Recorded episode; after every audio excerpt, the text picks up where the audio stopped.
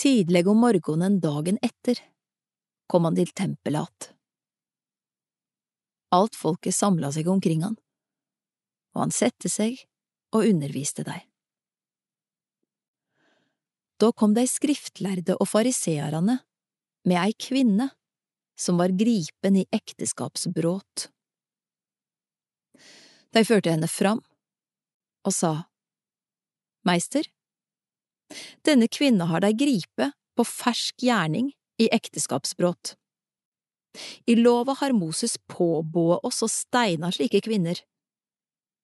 Hva sier nå du? Dette sa de for å sette han på prøve, så de kunne få noe å klage han for.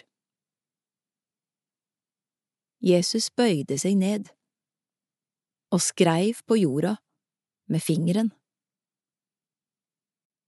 Men da det er helt fram med å spørja, retta han seg opp og sa, Den av dykk som er utan synd, kan kaste den første steinen på henne. Så bøygde han seg ned att og skreiv på jorda.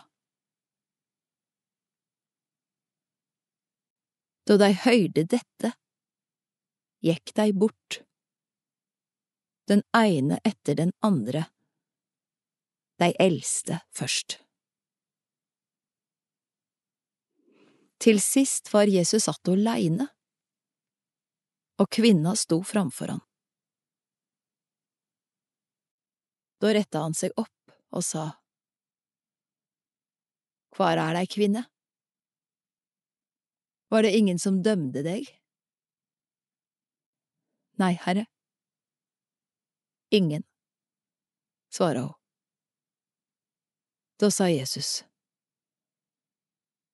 Så dømmer ikke jeg deg heller. Gå bort, og synd ikke mer.